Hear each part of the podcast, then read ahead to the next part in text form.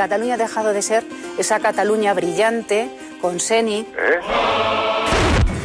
Siempre fue pues, un lugar de admiración para el resto de los españoles, vanguardista. Pero me tienes a loca.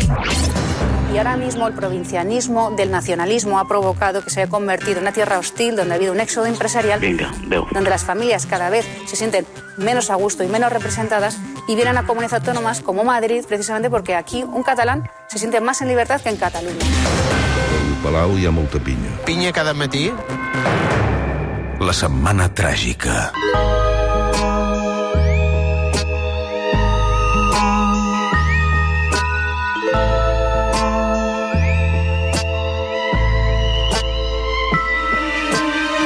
No marxem de Londres, allà hi tenim el columnista del Wall Street Journal, Ion Sindreu. Bon dia, Ion.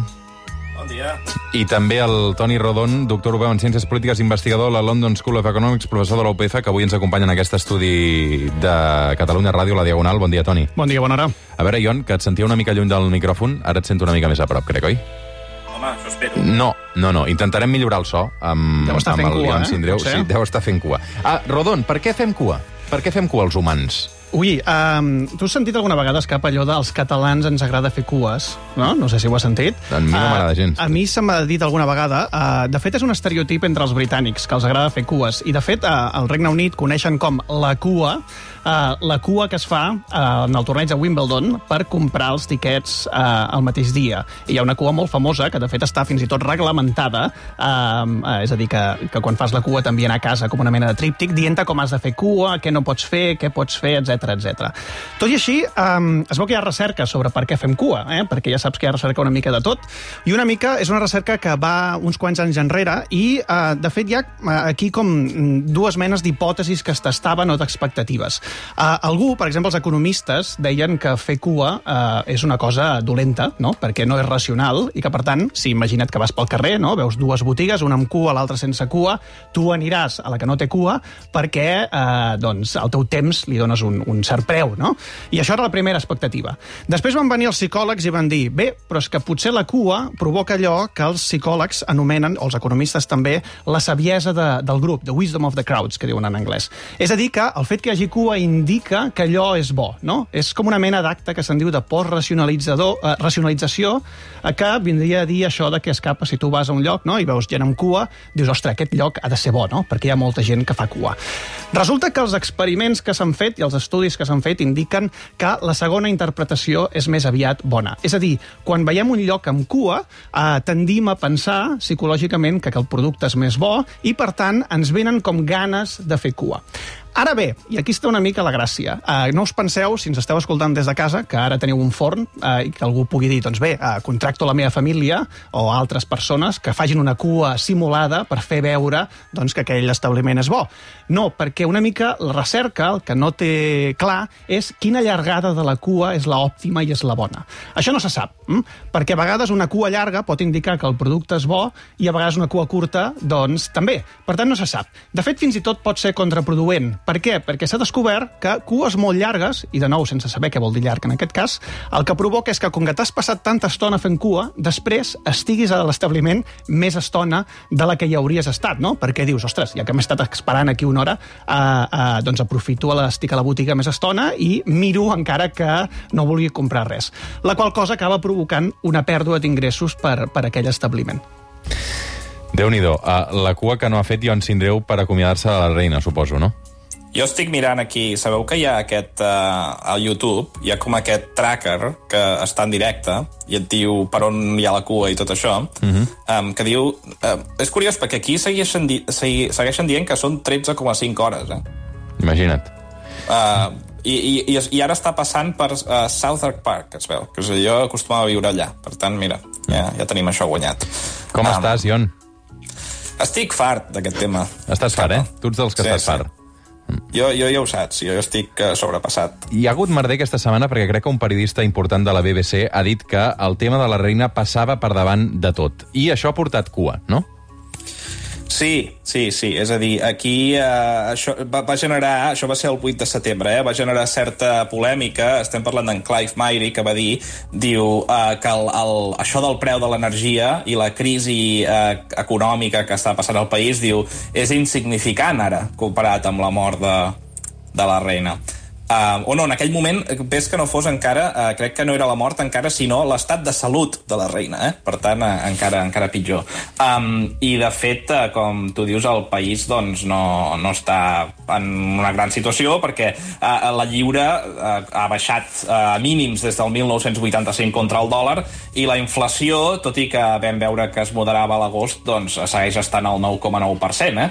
Um, I el més graciós de tot això és que, uh, tot i que s'ha criticat publicat en aquest periodista de la BBC, eh, el govern potser està d'acord eh, amb això que va dir, perquè eh, si recordareu que en vam parlar també, aquí el, el govern de l'Istres té un pla uh, per congelar el preu de l'energia a 2.500 lliures uh, anuals a partir de l'octubre, que uh, a causa de la mort de la reina doncs s'ha aplaçat. I el mateix, per exemple, amb, el, amb la política monetària del Banc d'Anglaterra, que va desplaçar la seva reunió de la setmana passada, quan havia de ser, fins a aquesta setmana. Per tant, um, es veu que, efectivament, no hi ha res més important que la mort de la reina, perquè aquestes, no, aquestes polítiques, en principi, segons els qui les defensen, um, vitals pel país, sembla que podien esperar.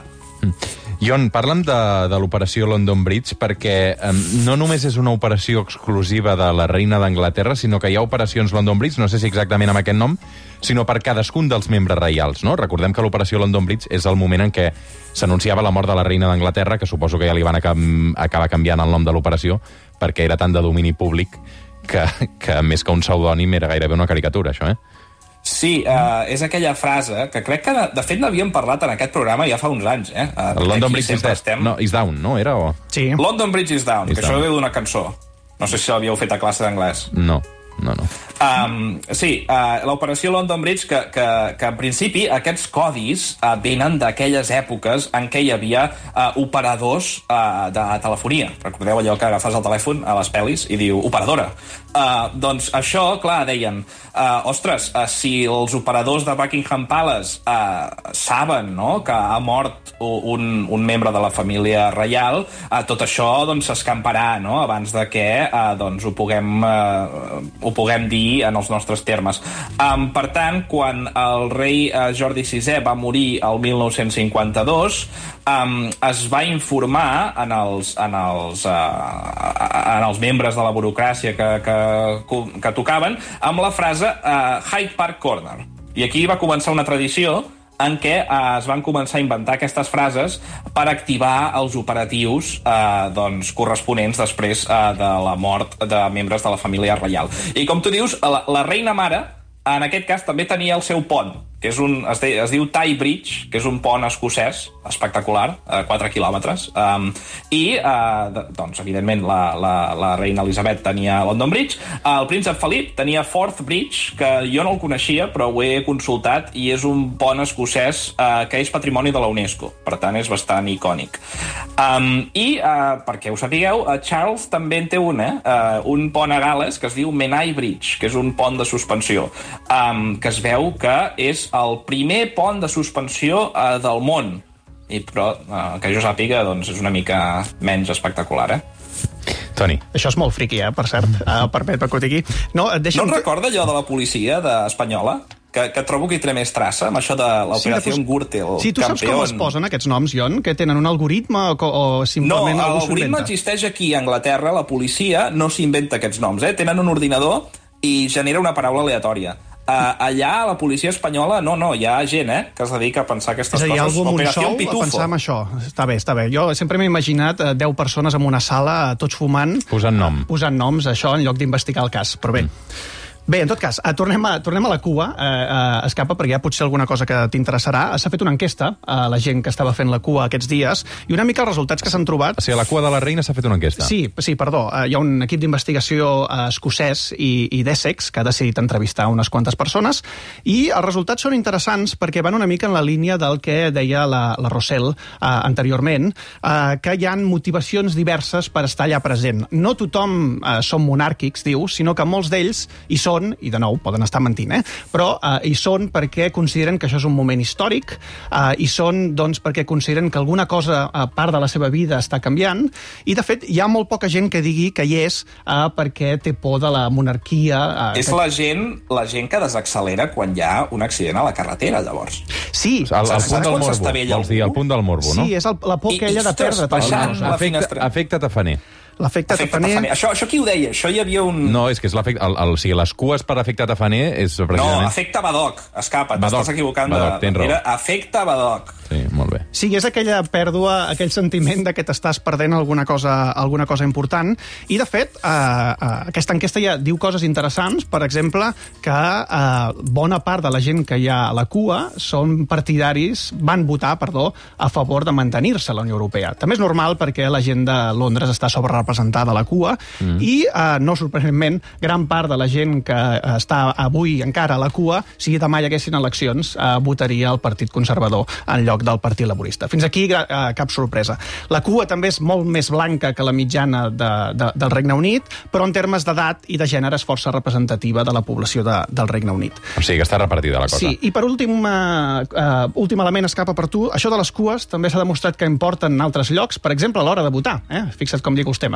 Doncs quan hi ha eleccions, en el, i ara que venen eleccions locals d'aquí uns mesos, quan hi ha molta cua fora del col·legi electoral, sobretot en pobles petits, en llocs uh, que són uh, menuts, hi ha una, sèrie una certa part de la gent que no vol anar a votar uh, perquè no vol ser vist en aquella part del grup, perquè té por que se l'identifiqui amb alguna mena de moviment, etc i per tant la participació acaba baixant una mica. Ah, sí, doncs jo em pensava que era al revés. Que, que si veies cua t'animaves a, a participar més. No, perquè les cues normalment ja les veiem en llocs on hi ha més població i on, sí. on la gent encara vota més. Uh -huh. Però les cues, sobretot en llocs petits, on tenen una mena de, si se'n permet, capital social més, més opressiu o més controlador, el que acaba provocant és que molta gent doncs, no vulgui estar identificada amb, amb, amb estar allà per si de cas la veuen votant o fins i tot per si de cas esbrinen què és el que anaven a votar. La Viquipèdia eh, d'efecte Badoc diu de vegades s'ha anomenat impròpiament efecte tafaner. Per tant, impropi. Ion, uh, explica'm Sí. alguna interioritat més de... És que, o sigui, a mi el que m'interessa és Carles III, ara, saps? Uh, perquè, clar, ens està, ens, ens està prometent ja moments de glòria. Uh, aleshores, um, tenim alguna polèmica més o no d'aquestes últimes hores? De Carles III, home, Sí. uh, no, la, la, la principal, uh, diguem, no, uh, polèmica és que tothom s'espera polèmiques. Llavors, uh, Carles III uh, va dir uh, públicament que ell era conscient de que el seu rol com a rei no podia ser igual que el seu rol uh, com a príncep. Per tant, uh, en principi ha promès que uh, doncs, no ficarà la pota uh, tant com abans, no? Uh, això seria una mica l'expectativa que s'ha generat. Molt bé. Doncs eh, estarem pendents demà del, del que passi. Eh, segurament el funeral més estratosfèric al qual haurem assistit. Eh, Toni, estàs d'acord, no? Sí, uh, no sé si el assistit, miraré. eh? assistit des de la distància, eh? perquè ens, nosaltres ens haurem de mirar des de la distància. Però... Sí, han donat festa, per cert, els sí, britànics. sí, ara eh? ho Sí, explicava la per fi. Laura. I, I no només això, sinó que hi ha molts organismes públics que han enviat correus als seus treballadors i treballadores amb una noteta dient que si necessitaven suport psicològic Mm. eh, perquè estaven afectats, doncs que, si plau parlessin amb els responsables. Abans ens preguntàvem quina mena de funeral tindria el rei emèrit el dia que, que traspassés um, i hem arribat a la conclusió que segurament uh, seria un funeral d'estat. Um, a Catalunya segurament el funeral més sonat d'aquesta mena uh, el trobem amb el cas de Tarradellas, no, Toni? Sí, els- L'últim? Sí, l'últim. Eh, també eh, és veritat que hem tingut eh, altres funerals eh, d'estat eh, um, arran doncs, d'atacs terroristes o d'altres esdeveniments mm. negatius que, que han passat, però sí, l'últim, diguéssim, que tothom recorda o té en ment és el del, el del president Tarradellas. En el fons, els funerals d'estats eh, no deixen de ser funerals eh, tradicionals, però en aquest cas doncs, eh, per homenatjar des de les institucions públiques a una persona que es considera doncs, que ha tingut notorietat pública i, per tant, en aquest cas també subvencionen amb, amb diners públics. Per tant, eh, qui decideix que és un funeral d'estat i que no, doncs això, evidentment, són les institucions públiques i, de fet, en els últims anys hi ha hagut certa polèmica perquè la gran majoria de funerals d'estat a casa nostra són religiosos i hi ha hagut alguns partits polítics doncs, que han intentat fer eh, d'aquests tipus de funerals doncs, una qüestió més laica. De moment això no ha prosperat, per tant veurem si els propers doncs, la cosa canvia. Mm. Ion Sindreu, demà fas festa o treballes? Demà faig festa, demà faig Ah, festa. veus? Mira. Al final, al final ha caigut la fruita. Per tant, Doncs, Bé. I qui escriurà el diari? On no surt diari l'endemà? Uh, no, home, no. Uh, pensa que aquí al final és un diari americà i les festes uh, britàniques no importen massa. Jo tinc la sort de no estar treballant amb el tema aquest, uh, de la cua i d'aquestes històries, i per tant jo suposo que tota aquesta, tots aquests companys meus uh, els hi tocarà pencar. Um, i espero que els hi doni un altre dia de festa, però jo, com que faig aquestes coses financeres, eh, um, és, això de, és això de que el primer dia de la mort de la reina tothom es va intentar empescar um, l'angle, no? Trobes l'angle financer de la mort de la reina. Um, però ara ja, ja això ho tenim, ja, ja avorrit. Um, per cert, Escapa, parlant de l'angle financer, uh, t'ho he mirat, eh? Allò que em vas preguntar la setmana passada dels bitllets I i, què? les monedes. I què, i què? I es veu que el Banc d'Anglaterra um, de moment diu que es podran seguir gastant, uh, però que una vegada hagi passat aquest, uh, no, uh, aquest període luctuós, que uh, doncs, uh, ho pensaran i ens diran doncs, doncs, quant de temps seguiran uh, vigents els, els bitllets de la reina. Amb la tant, cara de la reina. No hi ha preocupació. Jo, per si de cas, ja me'ls he gastat tots, eh? Ion Sindreu i Toni Rodon, una abraçada. Moltes gràcies. Que vagi bé. Un Vagi minut bé. per arribar a dos quarts d'onze del matí. Fem una pausa i al suplement entrevistem Samantha Hudson. Fins ara. El suplement, amb Roger Escapa.